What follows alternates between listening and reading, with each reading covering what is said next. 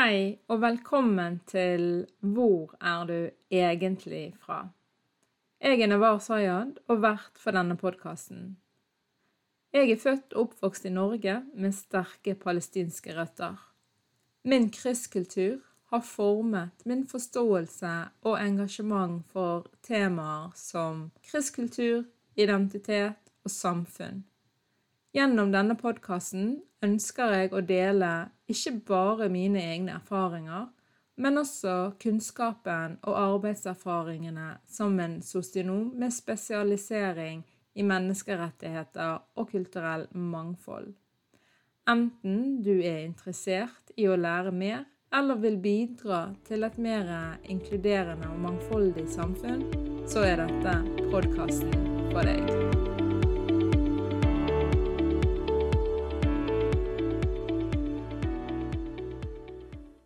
Hei, alle sammen, og hjertelig velkommen til en ny episode av eh, Hvor er du egentlig fra? I dag har jeg med meg eh, Line Khatib, eller Khatib, som man sikkert sier på norsk, eh, som er da leder i Palestinakomiteen i Norge. Så i dag skal vi snakke litt om Palestina. Mm. Hjertelig velkommen, Line. Tusen takk. Veldig hyggelig å få være med. Ja, takk for at du tar deg tid til dette her. Du, jeg lurer på, Kan ikke vi bare begynne med at du bare presenterer deg kort til våre lyttere, som kanskje ikke kjenner deg så veldig godt? Mm. Hvor kommer jeg egentlig fra, da? Jo, Jeg kommer jo fra Flaktveit, fra Åsane. Og fra Galilea i Palestina. Min pappa er palestiner, og min mor er norsk. Så jeg har vokst opp i Norge, men tilbrakt alle sommerferiene i Palestina hos familien min der i Galilea. Ja. Mm. Og så er du i dag eh, leder i Palestinakomiteen. Stemmer. Yes, så den jobben der skal vi snakke litt om eh, seinere. Men du har altså tilbrakt masse somre i Palestina. Der har vi noe til felles. Mm -hmm. Det ja. ja, altså det kan jo det være. Du vet hvem han eh, pappaen min er. Men han er jo fra Jerusalem, og min mor er fra Hebron. Så eh, der har jeg tilbringt mange somre. Et fint sted å være som oftest. Mm. Det er det. Ja, ja som oftest. Ja.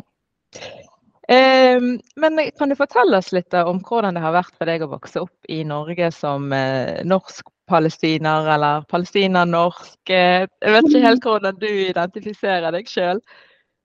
Jo, eh, jeg er både norsk og palestiner, tenker jeg. Ehm, men å vokse opp i Norge med både norsk mor og palestinsk far har egentlig vært veldig fint. Altså, jeg føler meg jo veldig heldig fordi jeg har både tilhørighet i Norge mm. og i Palestina. Og det gjør jo at man kan forstå litt mer, og at jeg egentlig kanskje alltid òg følte litt mer sånn tilhørighet med folk som kom fra andre land, om det var bosniere eller somalere eller irakere eller Så var jo det litt sånn i Bergen og i Åsane at hvis du hadde en litt annen bakgrunn, så var du med i gjengen. Sant?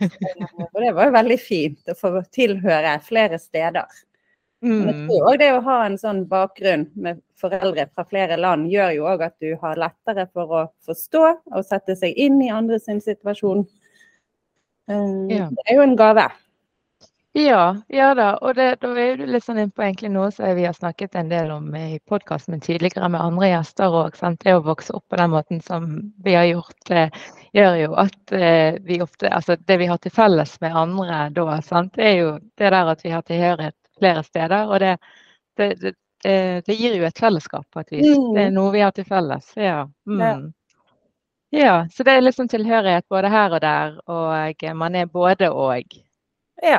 Um, nå sa du kanskje bitte lite grann om det når man vokser opp med flere tilhørigheter. Men um, når ble du um, bevisst på den politiske situasjonen og den humanitære situasjonen i Palestina? Var det noe som kom i oppveksten, var det noe som kom seinere? Hva var det som skjedde der som gjorde at du ble bevisst på det? Jeg tror jo som barn så forsto jeg jo ikke så mye. Altså man forstår jo på en måte ikke at ting ikke eh, Du skjønner at noe er rart og noe er litt feil, men jeg skjønte jo aldri helt hvorfor eller hva det var. Sant? Når jeg var liten og vi dro til Palestina, så var vi jo på en måte med familie. Jeg har masse hundre kusiner og fettere og, og var veldig fri og kunne leke. og holde på med det, men jeg skjønte jo òg at det var et eller annet rart sant? når du plutselig ser masse væpnede soldater med Mm. maskingevær i gatene, eller på toget, eller på flyplassen når vi kom, så var vi jo alltid litt redd. Min far var alltid litt stresset. sant? Kunne ikke si Palestina høyt på flyplassen.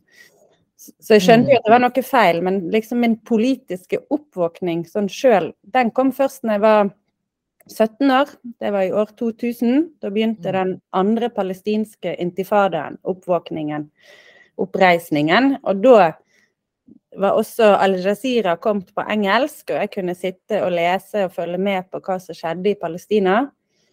Det var da jeg liksom begynte å engasjere meg politisk, og ble med i Palestinakomiteen i Bergen. Og Al Jazeera det er jo en arabisk eh, nyhetskanal da, sant? for folk som ikke har fått det med seg. Eh, så er jo det det. Og så sånn som du sier, ja, den kom jo plutselig på engelsk òg, en engelsk versjon. Så det gjorde jo det lettere for meg òg å følge med på, på nyhetene. Det er ikke alt man forstår på arabisk, gjerne.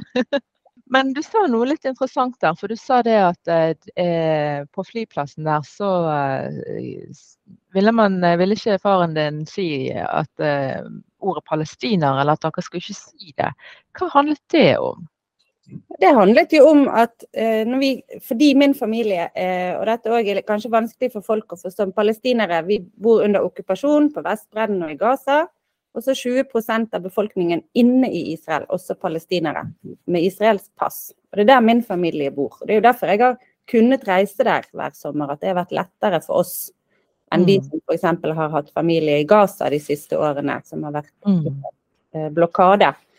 Men eh, å komme der på den flyplassen, så er det allikevel israelske da, sikkerhetsvakter og soldater eh, hele plassen. Og hvis man har palestinsk navn, bakgrunn, så blir du stoppet og ransaket og stilt masse spørsmål. Og hvis vi barna da står og spør er vi framme i Palestina nå, sant? så var jo min far redd for at da skulle det skape problemer eh, ved Mm. og skape problemer med å komme inn. Eh, fordi folk kan bli sendt tilbake fra flyplassen hvis de har palestinsk bakgrunn eller et arabisk navn. Mm. Og dette er litt sånn eh, det, det er veldig mange som ikke er klar over hvordan det faktisk er å være palestiner, og eh, hvor mye man må egentlig legge skjul på sin palestinske identitet selv når man reiser ned der. Og, så det er et, um, dette er bare et lite eksempel, men, Det er et men lite som for, eksempel, og, men det viser allikevel noe om maktforholdet og Yes. hvem det er som bestemmer. For som palestiner i ditt eget land, under en israelsk okkupasjon, så er du hele tiden eh, underlagt og betinget liksom, at de israelske myndighetene tillater at du eksisterer, Mm. at du får lov å bygge hus, at du kan reise fritt. Altså, det bestemmer man ikke selv. Nei, og det er så vittig du sier det, for jeg eh, var jo i Palestina i sommer eh, og skulle reise hjem igjen. Eh, og jeg traff på masse trøbbel da, og det tok jo tolv ekstra dager før jeg eh, fikk komme hjem og ambassaden måtte involvere seg. Men nå, en av de tingene sant, som, som, eh, som jeg syns var helt forferdelig, det var eh, eh, på mitt tredje forsøk på å reise ut. Så var det det der å- Så måtte jeg liksom eh, hva skal jeg si, skjule identiteten min litt, eller skjule min tilhørighet til min palestinske identitet når jeg står og krangler med soldatene om å få lov til å reise tilbake igjen til Norge, og jeg sier at ja, men jeg er ikke palestiner. Og jeg vil ikke være palestiner. Jeg har ingenting med Palestina å gjøre. Jeg bare er her eh, og har besøkt bestemoren min, og nå skal jeg hjem igjen til Norge. Det er det som er mitt hjem. sant?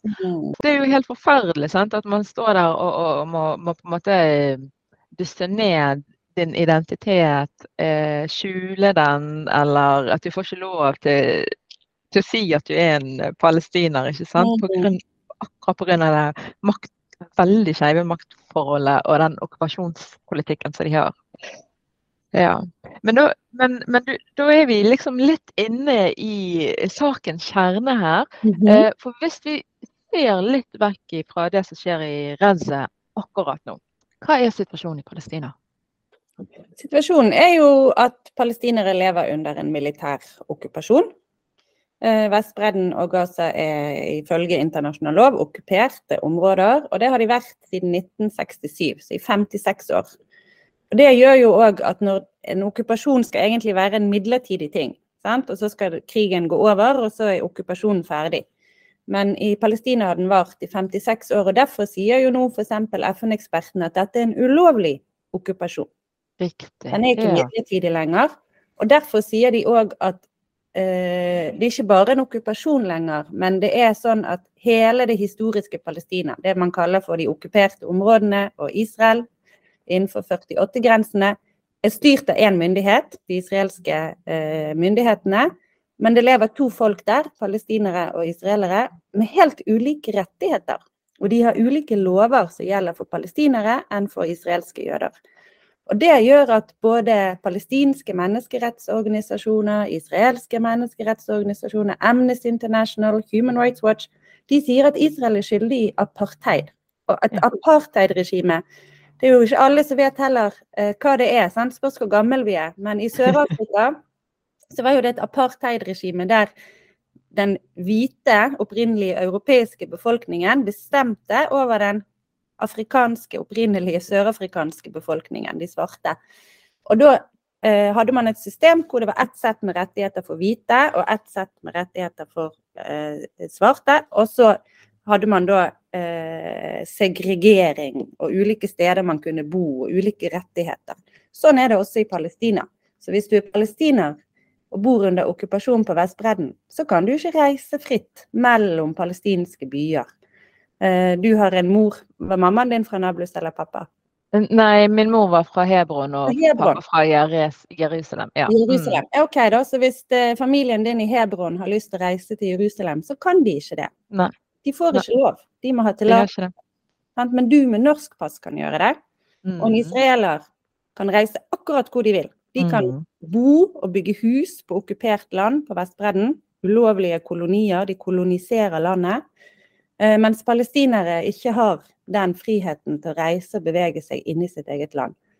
Så vi har jo en situasjon som er veldig alvorlig, og har vært sånn veldig lenge, uten at det får noen konsekvenser. For Israel bryter jo internasjonal lov når de gjør dette her, og det er dokumentert. Vi vet det. Norske ledere vet det. Amerikanske ledere vet det. Mm. Skrevet i FN-rapporter og lagt frem. Og så får de allikevel lov til å fortsette.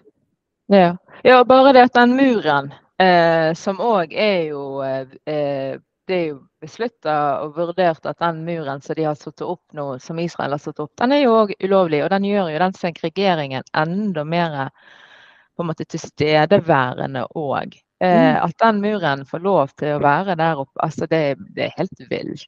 Ja, Vi kan jo forklare og beskrive hva den muren er, da, Nawaf. sant? Det er jo Ja. Israel har bygget nesten 800 km med mur. Altså fra Bergen til Oslo. Jeg bor i, på Østlandet. Det, tar, det er 500 km det å kjøre fra Bergen til Oslo. Mens Israel har da bygget en mur som er 800 km lang. Eh, De sier at eh, de kaller det for en sikkerhets, eh, et sikkerhetsgjerde, men det er altså betongmur. Noen steder er åtte meter høy. Eh, Det er noen steder er det masse gjerder og minefelt. Mm. Men den er bygget inne på palestinsk land. 85 av den muren er bygget på palestinsk land og konfiskerer palestinsk jord. Så det er ikke sånn at du og naboen din setter opp et gjerde på grensen. Det er sånn at naboen har satt opp et gjerde midt inne i hagen din og tar over Mm. halvparten av, av jorden din, frukttrærne og buskene og alt du har plantet og dyrket. Og den muren gjør jo òg at palestinere ikke kan En ting er at ikke de kan reise inn til Jerusalem f.eks., men muren skiller jo også palestinere fra hverandre og fra jorden deres inne på Vestbredden. Så det er jo en mur som òg er med å konfiskere land, ta over palestinsk land. Og som du sa, så har FNs eh, retts... Altså domstolen ICJ, den International Court of Justice, som er FN-domstolen, allerede i 2004 sagt at denne muren er ulovlig, at den bør rives. Men den står. Sant? Og den har fått fortsette å, å vokse og spise opp mer jord og mer land. Mm. Så det sånn som du sier, det er en, en veldig alvorlig situasjon som vi har i Palestina. Eh, og eh, det er ikke eh, hva skal jeg si, motstanden startet ikke 7.10. Den har jo startet for lenge siden. Og dette her er akkurat disse tingene som du beskriver. Stjeling av land, eh, segregeringen, diskriminerende lover og regler. Dette er jo en, en, en, del av det som palestinere har bekjempet og motsatt seg i flere tiår nå. Mm.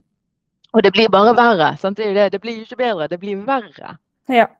Hva tenker du er de viktigste kanskje misforståelsene eller misoppfatningene eh, som det norske samfunnet har eh, om situasjonen i Palestina? Den ene er jo kanskje sånn Å ja, det er en så gammel konflikt, og de har holdt på så lenge. Eh, det blir nå aldri fred der nede. Og det er ikke sant. Altså, ja. Palestina var en del av det ottomanske riket, det tyrkiske riket, for eh, litt mer enn 100 år siden. Og når det ble oppløst, så allierte de arabiske lederne seg med, Tyskland, nei, med, med Frankrike og England, som skulle da kjempe mot Tyskland og det ottomanske riket. Og så fikk de svar at de skulle få selvstendighet i bytte, mm. hvis de hjalp til. Og det gjaldt også palestinske ledere.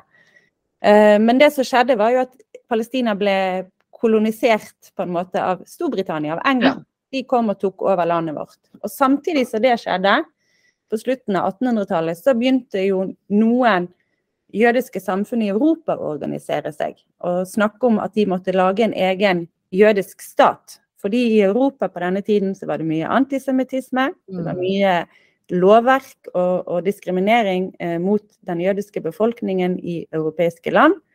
Så noen jøder gikk sammen og sa vi må lage vår egen stat. Og vi må bygge den.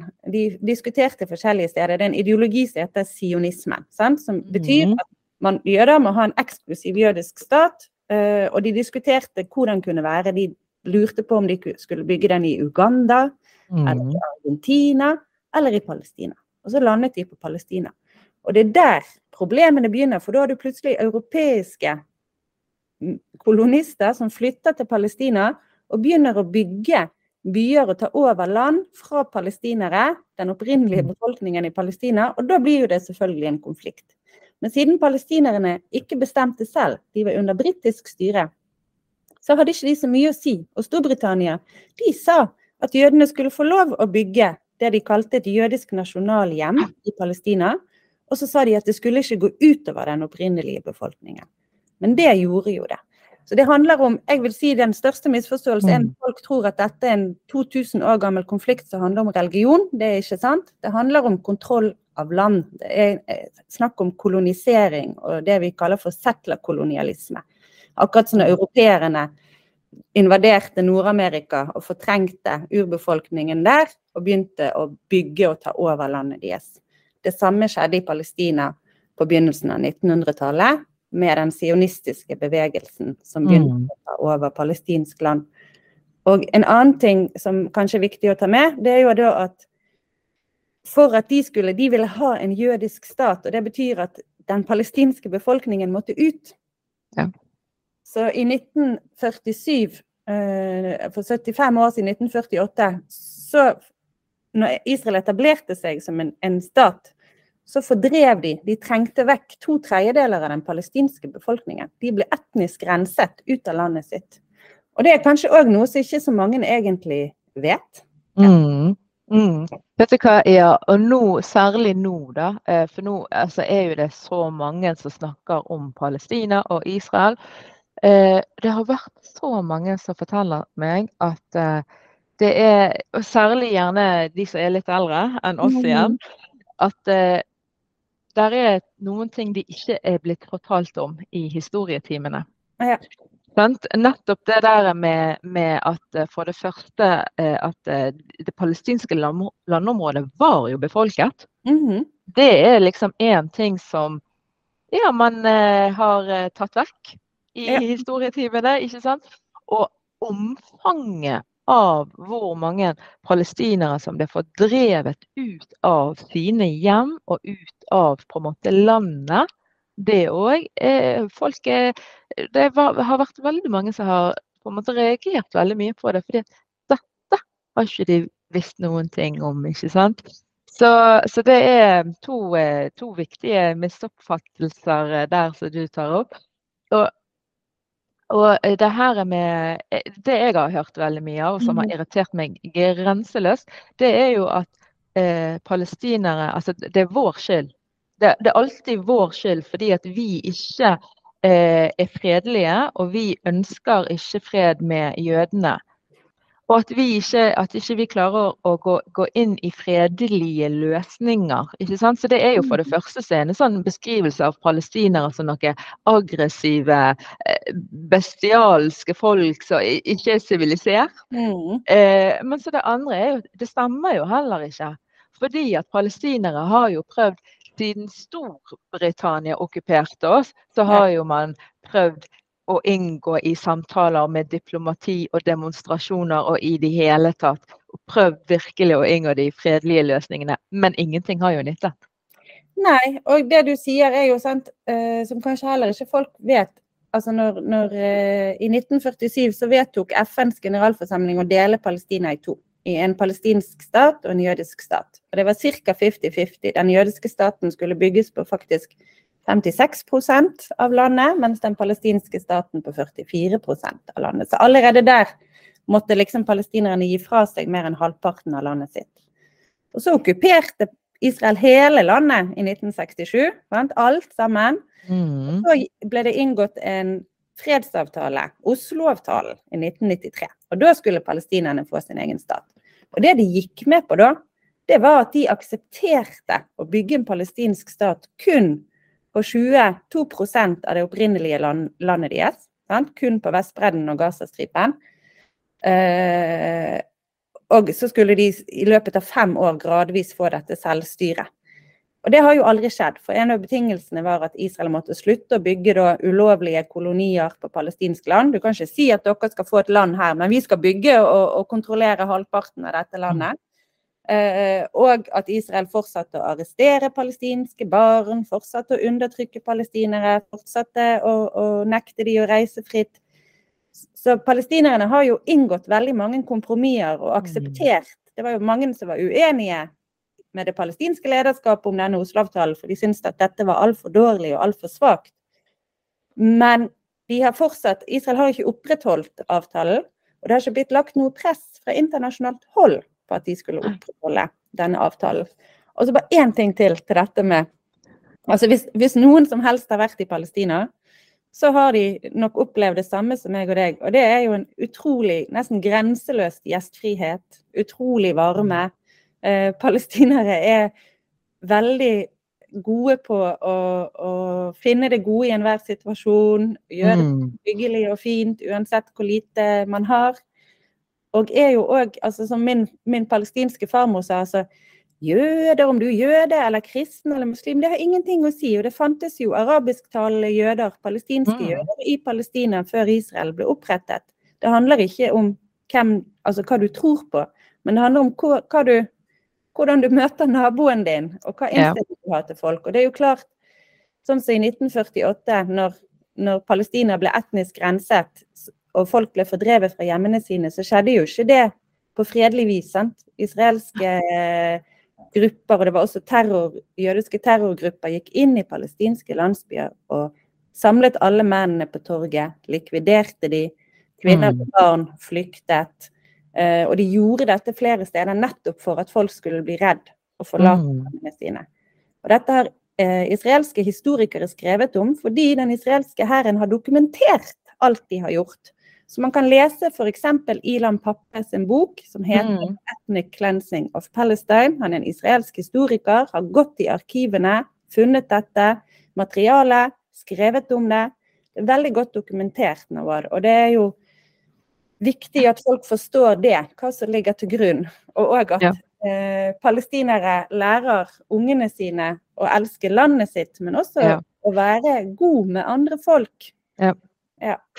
ja det er, altså, det er ikke bare det at det er dokumentert. Men altså nå og de siste ti, ti årene så har jo det vært flere dokumentarer òg der man faktisk har snakket med noen av de som var i den israelske hæren, og som utførte disse såkalte militære operasjonene. Sant? Der de var i landsbyer og drepte og voldtok og plyndret og i det hele tatt. Og de sier det rett ut. Dette var det vi gjorde. Sant? Så det, det er, nå finnes det altså Det finnes ingen unnskyldning, tenker jeg, for å eh, ikke vite eh, hva som foregår, fordi at det fins bøker, det fins dokumentarer, det fins så mye ressurser på dette, eh, på dette temaet. Da. Mm. Eh, så, og jeg eh, har jo planer om å lage en sånn ressursliste til folk. Sant? Med en sånn grei oversikt over hva, hva, hva, man kan lese på å sette seg inn i det. Og om, om ikke du vil lese på engelsk, vi har Odd Karsten Tveit. Mhm. Som har jo gått grundig til verks, og særlig den siste boken sin, eh, der han trekker frem da eh, egentlig opprette hvordan den moderne staten i Israel har blitt opprettet. Og det er ikke noe hyggelig lesning, men det er viktig lesning. En veldig viktig og god bok. Eh, Ja. Karsten Tveit har gitt ut nå nettopp. Mm. Men hvis vi går litt videre nå, da. Palestinakomiteen. Hva er det for noe? Ja. Og hva for et arbeid er det Palestinakomiteen gjør i Norge? Ja. Palestinakomiteen er jo en gammel organisasjon. Har eksistert i hva, 53-4 år nesten. Så det er en norsk solidaritetsorganisasjon som ble opprettet på slutten av 70-tallet. Eh, og da var det først og fremst studenter, egentlig, som engasjerte seg. Eh, og så etter hvert så begynte man å jobbe og samarbeide med den palestinske Røde Halvmåne, som er liksom tilsvarende Røde Kors, som drev med helsetjenester for palestinske flyktninger. Og når vi fortalte i sted sant, at to tredjedeler av palestinerne ble gjort til flyktninger i 1948, så flyktet jo de noen til andre steder inne i Palestina, til Vestbredden og Gaza og internt i dagens Israel. Men de fleste flyktet til Libanon, Syria og Jordan. Og Mm. der er det i dag fortsatt flyktningleirer hvor palestinere blir født statsløs i fjerde generasjon som flyktning. Og I disse leirene så er det da det palestinske Røde Halvmåne som har helsetjenestene. og Der reiste mange unge norske sykepleiere, fysioterapeuter, tannleger, leger og samarbeidet med palestinere.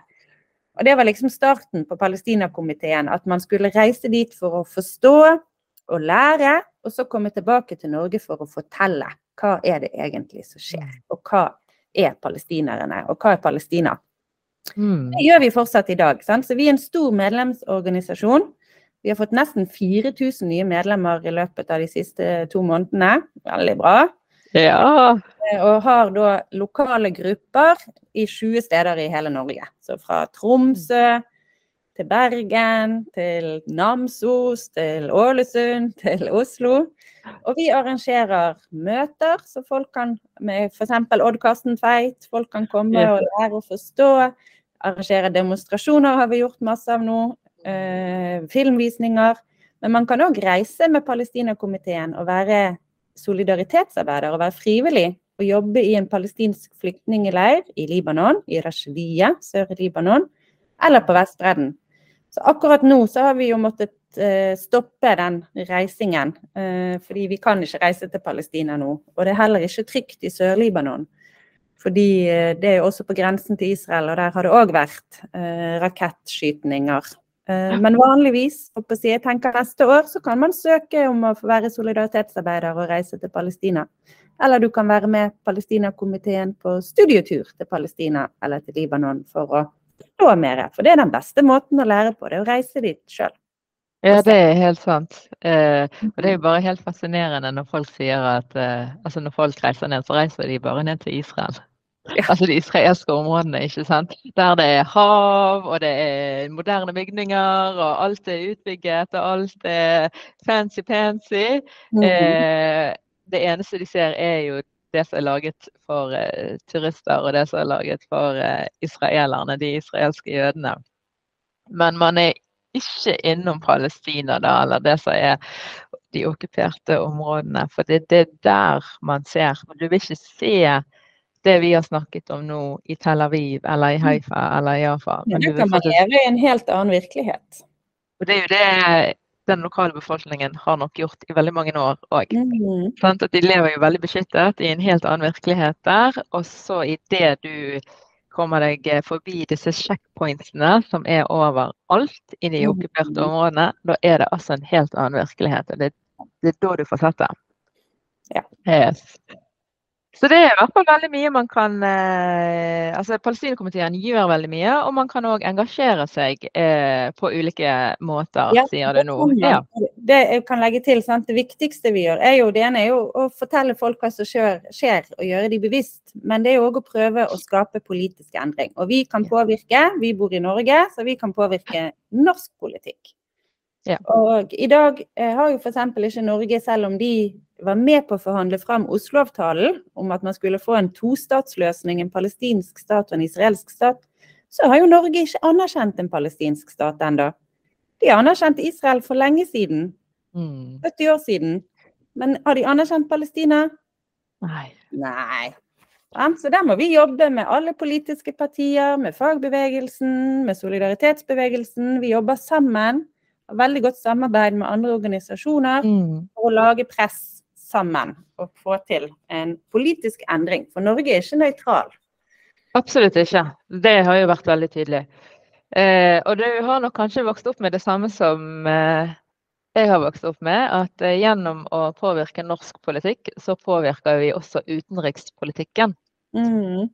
Sånn, Så dette er jo eh, eh, kjempeviktig, altså sånn som du sier, for å få til den politiske endringen, et, eller en endring eh, som påvirker et annet sted i verden, så må vi inn i lokalpolitikken og den norske politikken, og vi må, vi må presse, og vi må, eh, vi må stå sammen om det. Mm. Jo flere medlemmer som engasjerer seg, jo mer, jo lettere blir den jobben. Ja. Ja. Ehm, men da som, eh, som eh, altså Nå har jo du vært involvert i flere år, eh, regner jeg med, i Palestinakomiteen. Har du opplevd at palestinske mm, samfunn her i Norge opplever noen utfordringer når det gjelder på en måte det å, å, å spre informasjon og skape engasjement rundt palestinske spørsmål? Ja, altså Palestinakomiteen, vi er jo både norske, holdt jeg på å si, etnisk norske medlemmer, og medlemmer fra mange land. Eh, også palestinere som er selvfølgelig engasjert. Og det er jeg veldig glad for at jeg ser stadig flere unge med palestinsk bakgrunn som er aktive. Nå har vi fått en ny studentgruppe på Universitetet i Oslo og OsloMet, i Trondheim, i Tromsø. I Bergen holder de på, så bare følg med. Eh, men det er veldig bra. Eh, At folk òg som har en palestinsk bakgrunn og identitet, engasjerer seg og finner en plass og en stemme, og nå er vi klar til å, å stille opp. sant? Men utfordringene for mange er jo òg, altså, og det ser vi jo i enda større grad f.eks. i Tyskland og en del andre europeiske land og i USA, at folk som kritiserer Israels okkupasjon, Israels brudd på internasjonal lov osv., blir møtt med anklager om at de er antisemitter. Ja. Og eh, palestinere, arabere, er jo også semitter, bare så det er sagt. Vi, det, hebraisk, arabisk og amharisk, et, som de snakker i Etiopia, er semittiske språk. Eh, men det, det er jo en, også en strategi fra israelske myndigheters side å prøve å sidestille eh, at de som kritiserer Israel og kritiserer Israels politikk, de blir stemplet som antisemitter, og dermed eh, liksom prøver man å, å diskvalifisere dem. Mm. Det tror jeg en del folk eh, blir litt redd for å, å møte, men da må vi bare være veldig tydelige på at nei, eh, vi kritiserer myndighetene. Vi kritiserer eh, grove brudd på internasjonal lov og folkeretten. Og dette er ikke rettet mot en religiøs gruppe. Eh, flertallet av verdens jøder bor ikke i Israel. Sant? Ingen Mm. jøder skal holdes ansvarlig for en sionistisk stat sin politikk. De har ingen ansvar for det. De skal aldri holdes ansvarlig for det. Det er kjempeviktig at vi alle i Norge og hvor enn vi er, eh, ikke skal stille på en måte en norsk jøde til ansvar for hva Israel gjør. Selvfølgelig ikke. Akkurat som at hvis du har muslimsk bakgrunn, så har du ingen ansvar for hva eh, som skjedde 9-11 eller sant? Mm, Andre ting som mm. ofte noen spør ja, du er muslim, ja, støtter du liksom Ja. eh, Ja. At man setter sånn sidestiller folk med hva noen grupper eller stater har gjort. Det skal vi aldri gjøre. Aldri tillate. Fordi den palestinske kampen handler jo nettopp om en kamp mot rasisme. Mot diskriminering. Vi er mot apartheid. Vi er mot alle former for rasisme og diskriminering. Det er jo det som ligger til grunn. Det er jo det vi på en måte eh, må stå opp for. At folk skal ha like rettigheter. Eh, jeg har jo vært medlem i Palestinakomiteen i mange år nå, og eh, jeg sjøl privat er jo kjempeengasjert i dette her. Og jeg må si at jeg har eh, Jeg har aldri opplevd at det er noe jødehat eh, som kommuniseres ut, eller at man ansvarliggjør den enkelte jøden fordi at man er jøde. Altså, det, men jeg hører det du sier, altså jeg hører jo det. Jeg, jeg? At man, man prøver nå å likestille motstand mot kolonialisme, okkupasjon og apartheid med jødehat. Og det er jo en og dette gjøres jo på en veldig systematisk måte, og man prøver å gjøre det gjennom lovverk. Mm. Eh, sant? Og, og for å på en måte bekjempe egentlig, denne frigjøringskampen her. Og i USA, det jo, altså USA blir jo bare verre og verre. Men sant? der har jo man til og med i flere stater så er jo det nå blitt forbudt å boikotte israelske varer. ikke sant? Mens her jobber vi jo mot det motsatte. Her jobber jo vi for å få inn i lovverket at vi skal boikotte israelske varer. Yes. Ikke sant? Så det, det, er, det, er, det er så fint at du bare poengterer dette her med at eh, det er forskjell på antisemittisme og antisionisme, og hva Mm. er det egentlig Palestinakomiteen eh, eh, prøver å gjøre. Eh, og jeg ser jo at eh, Palestinakomiteen som en organisasjon har jo fått ganske eh, altså man, man har jo prøvd seg litt på det samme etter at man var på Debatten og, Mm. og, og vri og vrenge litt om på det som ble sagt. Og, så det, eh, det her er kjempeviktig, folkens, at dere eh, er klar over og ser nyansene i det her. I debatten som utspiller seg. Ja, og da tror jeg kanskje at vi som både palestinere og har litt fartstid i palestinabevegelsen, er veldig bevisste på det. Og vi skiller mellom antisionisme sant? eh, og staten Israel og hva de gjør. Og hva, hva jød, altså jødedom har ingenting med dette å gjøre. Men jeg tror jo at det er jo noen andre som ikke er like bevisst. Sant? Og som kan si ting som er og kan være antisemittisk. Hvis du sier at ja, de jødene, nå holder de på. Det er ikke greit. Sant? Vi Mm. må snakke om israelere. Vi må snakke om israelske myndigheter. kan snakke om sionistisk ideologi. Så det, vi har jo òg et ansvar for å, å gjøre folk bevisst på det. Men jeg tror at i stor grad så er kunnskapen der. Eh, og når du hører intervju med palestinere i Palestina, så snakker jo de om sionistene og de sionistiske styrkene. Eh, så det er klart det er et problem òg for folk, fordi Israel, israelske myndigheter er veldig opptatt av å si at Israel er en jødisk stat. Og de snakker om seg selv og identifiserer seg som jøder. Så hvis du møter en israeler, eh, så vil de si jeg er, jø jeg er jøde. Sant? De Mm. identifiserer seg jo som det. Og skiller, de skiller ikke mellom staten og religionen i veldig stor grad. Mens i USA, eksempel, du, du sa at alt blir verre i USA, men noen ting blir bedre. Når Vi må se på det, det som er positivt. Og der har vi jo nå en politisk bevegelse. Mm. Det er stadig flere folk som har begynt å skjønne at nei, eh, vi kan ikke støtte Israel sånn som de Mm. har gjort så ensidig. Vi må se hva de gjør, og de har en, opprettholder en ulovlig okkupasjon og et apartheidregime. Og en viktig stemme i USA, det er jo også en organisasjon som heter Jewish Voice for Peace Mm. amerikanske eh, jøder som i mange år nå har bygget opp denne bevegelsen, for de sier ikke i vårt navn. Vi kan ikke tillate at vårt navn blir misbrukt, og vår religion blir misbrukt for å undertrykke et annet folk. Og de er kjempemodige, kjempeflinke, godt organiserte, har jobbet i mange år. Superviktig stemme i USA for å nettopp å møte denne ensidige og blinde støtten til staten Israel og en misoppfatning av at det er liksom israelerne som er ofrene og de svake osv. Mm. Nei, det er sant. Takk for at du tok det opp. Ja. For det er jo en bevegelse også, som har på en måte spredt seg rundt i, i Europa og i forskjellige europeiske byer. Eh, og det er en utrolig viktig stemme, men òg en utrolig viktig hva, hva det heter, alliert. Eh, mm. altså, det er jo en, en, en viktig allianse som man, som man, har med akkurat den bevegelsen der. ikke sant? Eh, og, og, og, igjen, som bare òg viser at det, det, her handler ikke om religion.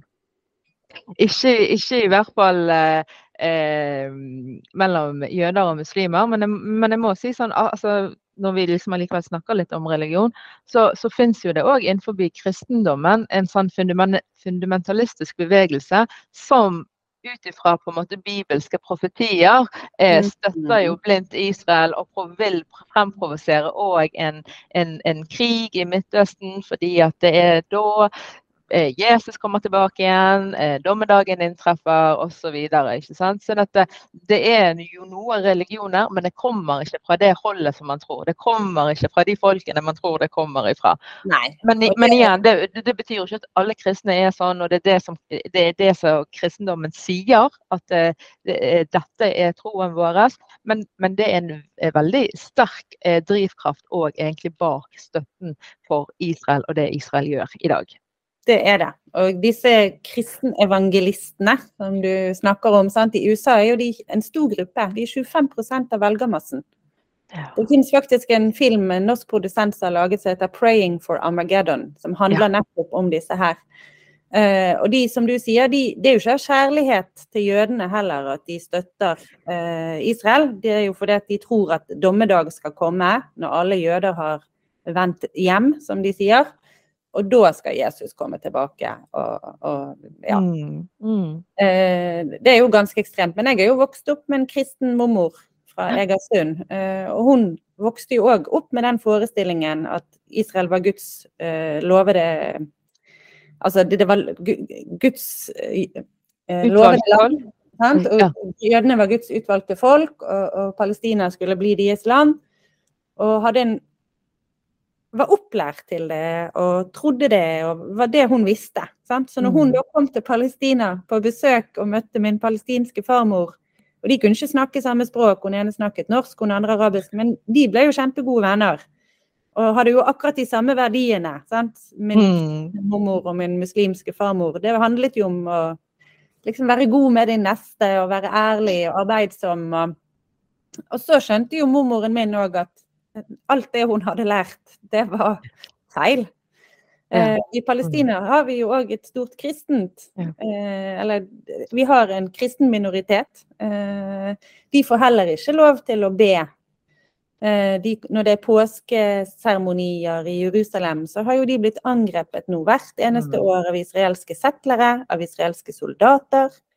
Eh, kirkene i Palestina i år har sagt at de, det blir ingen julefeiring. For pga. Mm. krigen i Gaza så kan de ikke feire. Og inne i Gaza så er det en ganske liten kristen minoritet. Eh, de har tre kirker. Tre, de tre kirkene i Gaza har nå blitt også bombet og skadd av de israelske bombeangrepene. Så Ja, de har det vanskelig, de òg. Og, det, og det, det, er så fascinerende, det der. fordi at eh, jeg må si at jeg, jeg har hatt en sånn Altså, jeg har jo vært litt sånn personlig forvirret. ikke sant? Fordi når jeg reiser ned til Palestina, og der eh, er, altså, du reiser til Nablus eller du reiser til Betlehem mange, det, det, er jo en, en større eh, kristen gruppe som, som, bor i disse områdene her. ikke sant? Og du snakker med dem, og, eh, og de har på en måte ett perspektiv. Eh, og, og, og, opplever seg som okkupert og undertrykket. Og de forteller jo om eh, hvordan de eh, har blitt utsatt for eh, okkupasjonspolitikken. Men så kommer, kommer, jeg tilbake til Norge og så hører jeg noe helt annet. ikke sant? Og man, man benekter på en måte mange, har, mange, her har jo benektet eh, fortellingene til de kristne i Palestina. Så jeg liksom, har ikke helt skjønt dette her. Mm. ikke sant? Så når han her, du vet den pensjonerte biskopen i Jerusalem, Munib, han var jo her i Norge, i Bergen, eh, forrige helg. Jeg måtte rett og slett bare sette meg ned med han på Handela i palestinabutikken her i Bergen. Og bare hvordan skal vi forstå dette her? Jeg, måtte, jeg, måtte, rett og slett ha en litt sånn samtale med han fra en, en, religiøs autoritet som vet mye mer om det enn, enn altså om mm. den kristensionismen som, som, det på en måte heter, enn, enn det er, er kvinne. Og det, det, var jo veldig bra, det var veldig oppklarende. Men, eh, men eh, ja, det er liksom hvem, Hvordan skal vi møte våre naboer, og hvem er vi, og hvordan skal vi være? Det er liksom det er jo det. Mm. Ja, men vi må videre. Ja, ja, altså det er jo så mye vi kunne snakket om, Line. Eh, men jeg lurte på om du kunne gi oss noen eksempler på noen suksesshistorier. Eh, eller eh, positive, gode prosjekter som Palestinakomiteen har gjennomført i, i Norge. Mm. Ja, um, altså jeg vil jo si at det er en suksess på en måte når vi arrangerer markeringer i Oslo, og nå har liksom hatt 10 000 folk i gatene som kommer ut fra Palestina. Det er jo en, en suksess. Uh, at vi opplever så mye støtte. Jeg vil si det er en suksess å ha fått en sånn fantastisk medlemsøkning som vi har hatt. Kanskje sånn 40% medlemsøkning. Men sånn politisk så er jo det òg at vi nå Ting flytter seg. Eh, så jeg var på demonstrasjon i Bergen for noen uker siden, og da var det flere som holdt appell, og bl.a. en eh, ung eh, dame fra Unge Høyre. Ja. Og det tenker jeg det er en suksess. Fordi dessverre, synes jeg, så har Palestina liksom vært en sånn venstresidesak. Men det handler jo om grunnleggende menneskerettigheter, grunnleggende internasjonal lov. Er du for liberale verdier og at alle skal ha samme frihet, så må jo du være for palestineres frihet også. Eh, og der tenker jeg at vi beveger oss nå i riktig retning. Um, en annen suksess er jo kanskje at de også i Bergen nettopp har vedtatt at de skal bli vennskapsby med Hebron. Ja. også med stemmer fra høyresiden som støttet dette her. Det tenker jeg er veldig, veldig bra. Ja. Uh, og så Det vi får til, er jo å sette Palestina på dagsordenen. Vi samarbeider jo og har masse kontakt med flere stortingspolitikere som stiller spørsmål til utenriksministeren, som utfordrer regjeringen. Uh, og ofte ber om innspill til hva, hva, de skal si, hva de skal pushe på. Uh, vi har inviterer gjester fra Palestina. så I september hadde vi en konferanse som handlet om at det var 30 år siden Oslo-avtalen hadde besøk bl.a. fra den palestinske menneskerettighetsorganisasjonen Al-Haq. Da var jo han, eh, fikk vi møter både i Utenriksdepartementet og på Stortinget med flere politikere. Det å ha disse samtalene og på en måte både informere, men å klare da å, å flytte politikken litt det, det, skjer ikke over natten, men litt om gangen, det er veldig viktig. Og så tror jeg jo fra Palestinakomiteen startet for 50 år siden, til i dag så har vi jo sett en stor endring i opinionen. Vi har sett en stor endring i hva folk vet om Palestina. Fordi i Norge på 70-tallet så var det ingen som snakket om Palestina. Nei, riktig. Ja. Mm. Men ingen støtte til Palestina. Mens i dag tror jeg at det er en veldig stor og brei støtte. Eh, LO, som representerer 1000 medlemmer, nei, 1 million medlemmer, vedtok jo og har jo vedtatt flere sterke uttalelser om at de må ta stilling, at Israel er skyldig i apartheid, at de må innføre boikott og sanksjoner. Mm. Dette er en bevegelse vår som ikke Det var ikke sånn for 10 og 15 år siden. Dette har skjedd fordi det har kommet, og vi har jobbet jevnt og trutt med det. Fagbevegelsen har jobbet jevnt og trutt. Andre i solidaritetsbevegelsen, også faktisk i, i deler av Kirke-Norge, jobber aktivt for å få til eh, endringer, og at Israel holdes ansvarlig for brudd på internasjonal lov. Mm. Og at vi snakker En annen suksess er jo dette med å kreve boikott, sanksjoner og deinvesteringer. Og dette er et krav fra palestinsk sivilsamfunn. Så I 2005 samlet mer enn 170 palestinske organisasjoner seg. Studentorganisasjoner, arbeiderbevegelsen, bønder, sivilsamfunn og sa Israel bryter internasjonal lov, men det får ingen konsekvenser. Nå må vi gjøre sånn som anti-apartheid-bevegelsen i Sør-Afrika gjorde. Vi må ha press utenifra. Mm. Og vi vil jobbe ikke voldelig med å legge press på Israel inntil de avslutter okkupasjonen. Og da er det å kreve sanksjoner og kreve at ikke det norske oljefondet skal være investert i selskap som bidrar til okkupasjon. At vi sanksjonerer israelske ledere som sier at de skal utslette Gaza, eller at palestinere er menneskelige dyr. De må ja. få en straff og holdes ansvarlig. Og måten vi krever det på, er gjennom da å si at vi alle individuelt, selskaper, stater, må være med på å holde Israel ansvarlig. Ja, og det var jo eh, Palestinakomiteen hadde jo et arrangement denne uken i Bergen som handlet egentlig akkurat om eh, BDS-bevegelsen, altså boikott, eh, deinvestering og sanksjoner. Og eh, For det er så lett for å tenke at det nytter jo ikke. Mm. Boikott nytter ikke, men jo, det nytter jo. sant? Og hvis alle, hvis alle bidrar med, med noe, så, mm. får jo vi til den store sommerfugleffekten. Um, så det, her er jo det masse masse suksesshistorier, og man ser jo da at det faktisk nytter. Samlet innsats nytter.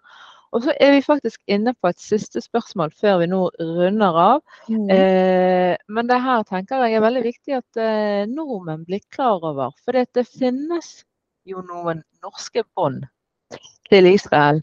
Eh, og det vil si altså som støtter støtter den israelske okkupasjonen og apartheidregimet deres. Mm. Kan du si noe om det? Altså, nå var jo du litt sånn inne på oljefondet her. Mm. Er det andre det, er det, ja. altså, det norske oljefondet er Europas største investor i selskap som er direkte knyttet til okkupasjonen. Dette er jo liksom vårt pensjonsfond. Alle vi kollektivt i Norge skal tjene på å liksom ha goder av pensjonsfondet, oljefondet. Men og som investerer i masse selskaper, og er da den største i Europa til å investere i israelske selskap, banker, internasjonale selskap som er direkte involvert i å bryte menneskerettighetene i Palestina. Så det er det ene. De må trekke de investeringene ut. Mm. Men så er det jo f.eks. Norge er jo en stor våpenprodusent. Og flere norske våpenselskap selger våpen til Israel, eller våpendeler til våpen som går til Israel. Det er heller ikke eh, greit. Og så er det jo at norske myndigheter har liksom et helt sånn normalt forhold til Israel når det gjelder handel og samarbeid. Det syns jeg er veldig rart. Israel er ikke en normal stat. Israel er Midtøstens eneste apartheidregime. Ja. Eh, undertrykker systematisk. Eh, før denne krigen startet, vet du at to barn ble fengslet hver eneste dag i Palestina. Eh, uten lov og dom. Eh, studenter, aktivister. Du lager en podkast. Du kunne blitt arrestert i Palestina mm. fordi at du eh, snakket og kritiserte og sånt.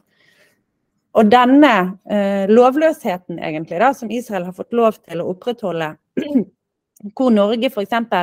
kritiserer, og det har norske myndigheter gjort både når det har vært Høyre-styrt og Arbeiderparti-styrt, så sier de ja, bosettingen er ulovlig, og dette er et hinder for en tostatsløsning.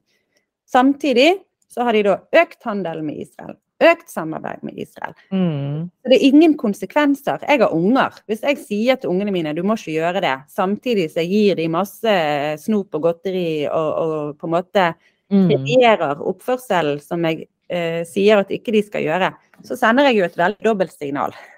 Ja. Det, det, fører ikke til at de slutter med den oppførselen hvis de får masse premier for å gjøre det.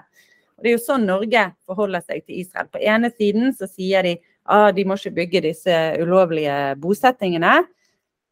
Og på andre siden så behandler vi Israel som et hvilket som helst annet land i Europa, og, og har inkludert Israel i europeiske Grand Prix, ja. i europeiske eh, Uefa-cupen i fotball, ja. eh, i europeiske handelsavtaler.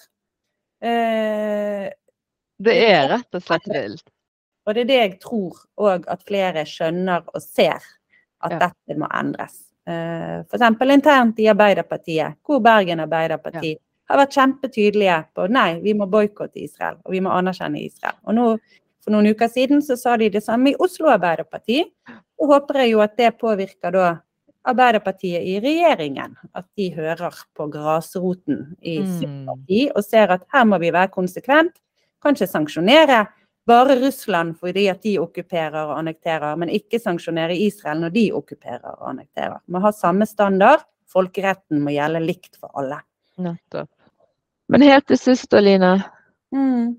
Hvorfor skal nordmenn bry seg om Palestina og palestinernes rettigheter? Nei, vi må jo bry oss fordi vi er medmennesker, og palestinere er medmennesker. Men det er jo òg fordi det handler om at hvis vi tillater eh, systematisk vold og undertrykkelse ett sted, så vil det spre seg til andre steder. Mm. Eh, og det gjør det jo allerede. Sant? Israelske myndigheter trener opp eh, amerikansk politi eh, som jeg har en veldig rasistisk politikk, og vi ser at svarte amerikanere blir oftere drept enn hvite amerikanere. Og det samme politiet som er trent opp av israelske myndigheter. Israel har gitt og selger våpen til militærregimet i Myanmar, som undertrykker befolkningen sin. Til, de gjorde det til Rwanda, som utførte folkemord, og nå står Israel overfor et folkemord, uh, utfører et folkemord overfor palestinerne. Så det handler jo om ikke bare at du skal sympa ha sympati med palestinere i seg sjøl, men det handler jo egentlig om at vi må forsvare våre alles grunnleggende rettigheter eh, mot vold, mot fascisme, mot rasisme, mot diskriminering. Det er en global kamp. Eh. Og det ser jeg jo her. Sant? Vi får jo så mye støtte fra grupper som møter denne type undertrykkelse andre steder i verden, fordi de kjenner det igjen. Fordi det er likt. Det er det samme systemet med undertrykkelse. Så å stå opp for palestineres frihet er jo òg å stå opp for frihet og rettferdighet for alle. Og for at internasjonal lov skal gjelde for alle. Vi òg kan mm. bli utsatt for okkupasjon og annektering og diskriminering. Og da må vi vite at den internasjonale loven og retten vil mm. eh, kunne hjelpe oss hvis det skjer. Og da er en måte man kan eh, stå sammen i den globale kampen her, det er jo da å melde seg som medlem i Palestinakomiteen. Eh, det er andre ting vi kan eh, gjøre, helt vanlige borgere i Norge?